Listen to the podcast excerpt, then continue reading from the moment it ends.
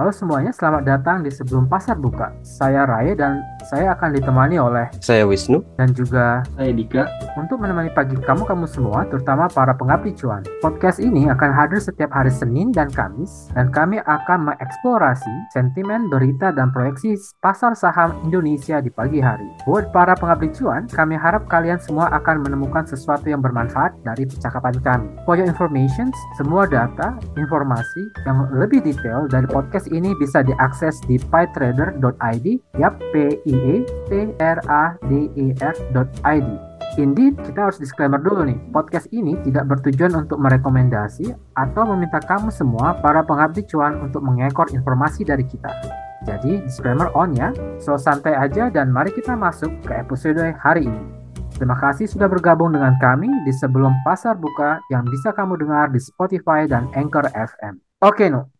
Pertama-tama, apakah sentimen bearish pada minggu lalu masih akan terjadi di IHSG di minggu ini di hari Senin ini? Ya, seperti biasa kita itu ya eh, ngintip dari closing di hari Jumat lalu, closing eh, perdagangan terakhir di hari Jumat, eh, yaitu bursa US. Mereka seperti apa dan ternyata di closing eh, bursa US itu eh, naiknya cukup tinggi. Jadi kayak Dow Jones tuh naik lebih dari 2%, SP 500 naik hampir 2,3%, Nasdaq juga naik 2,6%, Bursa Eropa juga naik kisaran di atas 1% semua. Nah, apa yang melatar belakangi dari eh, kenaikan yang terjadi pas Jumat kemarin tuh karena bank eh, ya bank sentral US baru announce atau publish data makroekonomi yang menunjukkan bahwa jobs report mereka buat bulan Desember dan salah satu indikator makro lainnya Purchasing Manager Index itu menunjukkan bahwa aktivitas ekonomi mulai cooling down.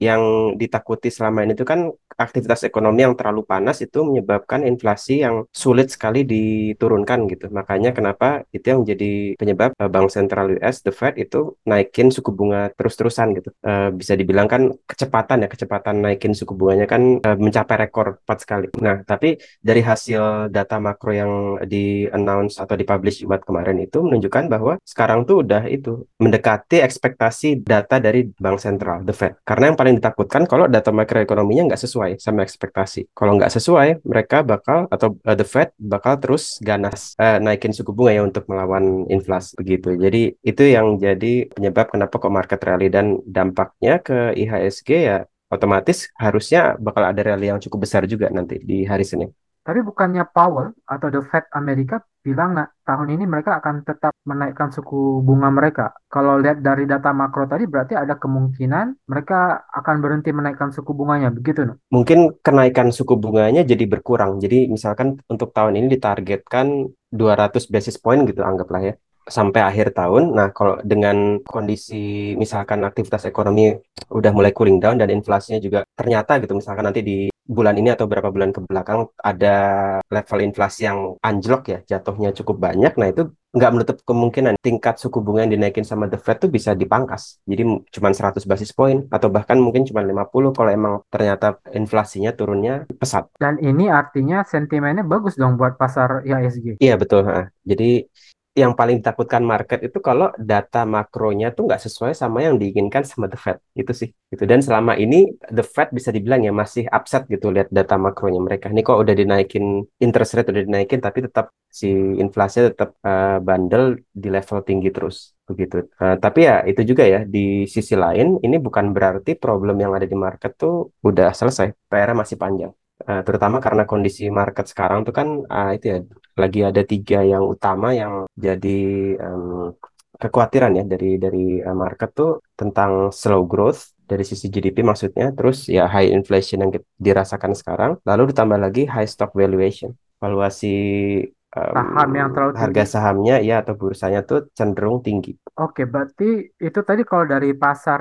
It- kalau kita lihat di Price Trader nih, no, industri kayak kon- consumer seperti animal feeds, foods, minggu kemarin malah cuan. Dan transportation dan energi malah terkoreksi dalam banget. Ini kira-kira apa bakal berlanjut di minggu ini? Apakah sentimen makro Amerika tadi ada dampaknya nantinya di hari Senin ini? Hmm. Jadi itu ya kan perlu dipahami latar belakangnya kenapa kok ketika market penuh dengan ketidakpastian gitu ya dalam artian inflasinya masih bandel banget di level tinggi gitu nggak nggak turun-turun terus aktivitas ekonominya masih masih uh, terlalu panas nah itu kan yang bikin faktor utama munculnya ketidakpastian dalam bentuk jangan-jangan bank sentral nanti naikin suku bunganya lebih besar dari ekspektasi market, dari konsensus market lagi gitu. Nah, itu kan yang paling ditakutin. Nah, karena ketidakpastian itu makanya para investor baik uh, institusi maupun retail mereka cari uh, safe haven istilahnya, tempat berlindung ya, aset yang uh, berlindung di salah satunya itu yang kita bicarain di podcast terakhir uh, gold ya kan terus sektor-sektor yang defensif seperti consumers.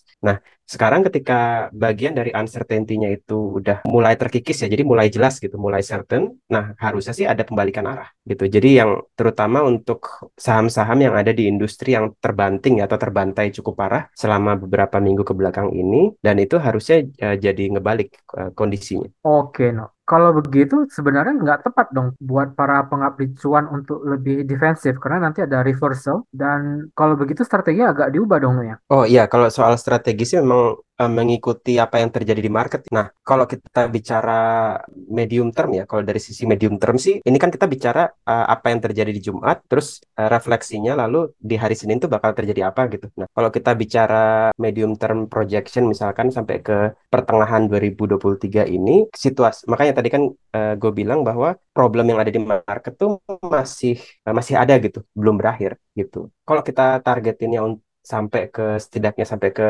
pertengahan tahun ini tetap consumer goods dan yang defensif kayak safe haven seperti gold itu tetap jadi pilihan yang bagus. Tapi kalau misalkan kita bicara short term dan artinya itu kan mesti rotasi kan ya dari sektor ini ke sektor itu dari industri uh, yang tadinya industri transportation performanya jelek banget siapa tahu bisa jadi membaik sekarang dengan perubahan data makro yang ada begitu. Oh, oke. Jadi maksud lo tadi uh, sentimen reversal tuh ya untuk minggu ini, tapi untuk medium term tentu saja perusahaan-perusahaan atau industri yang defensif masih masih tetap menarik, begitu no ya? Iya betul. Han. Kalau dari lo nih, Dik, kalau dilihat dari secara analisa teknikal secara besar gitu, Dik, apakah rally bearish ini masih akan berlanjut secara teknikal? Sebenarnya kan kalau misalnya kita lihat jangka pendek aja ya, chart pendeknya gitu kan, kan terjadi koreksi dalam banget di dua hari tanggal 4 Juni, 4 Januari 2023 dan 5 Januari 2003 tuh. Dan pada hari Jumat kan sebenarnya ditutup menguat 0,46 persen. Nah, tapi sebenarnya kalau misalnya gue lihat sih belum terlalu kelihatan ada reversal yang berarti sih kalau buat gue ya. Dan kalau misalnya kita lihat candle penguatan yang terjadi di hari Jumat pun dia masih menguji level resisten di angka 6694 sih. Dan itu juga cuma satu candle. Jadi kalau misalnya kita bicara secara teknikal, oh pasti akan ada reversal ini secara teknikal ya. Itu pasti prematur banget sih. Jadi kalau menurut gua apakah ini akan terjadi reversal yang kuat atau enggak secara teknikal, kita lihat tiga hari ke depan candlenya berhasil kuat ditutup di atas resisten 6694, eh, 6694 apa enggak? Itu dulu sih. Kalau misalnya kuat, maka dia akan bergerak di range channel yang sempat diuji di periode 7 Desember sampai 26 Desember 2022. Itu di area 6694 sampai sekitar 6800-an sih, Rai gitu. Walaupun terjadi reversal ya, sesuai dengan sentimen yang tadi. Berarti secara teknikal tuh dia ada belum terbentuk pattern dan harus mm -hmm. tunggu sekitar 2-3 hari gitu, Dik ya? Mm -hmm. Oke, di, di Python itu kan ada satu signature, terutama kalau kita pergi ke technical analysis yang ngasih scoring untuk buy signal. Bisa dijelasin nggak itu apa? Apa yang dimaksud dengan scoring 4 atau 6 atau 7 atau 9? Lalu apa yang dimaksud dengan time frame 3 bulan dan 6 bulan? Jadi kalau misalnya di situ kan kita ngasih dua informasi tambahan tuh dari satu list yang muncul dari screener signature satu. Itu ada scoring dan time frame. Apa sih itu artinya?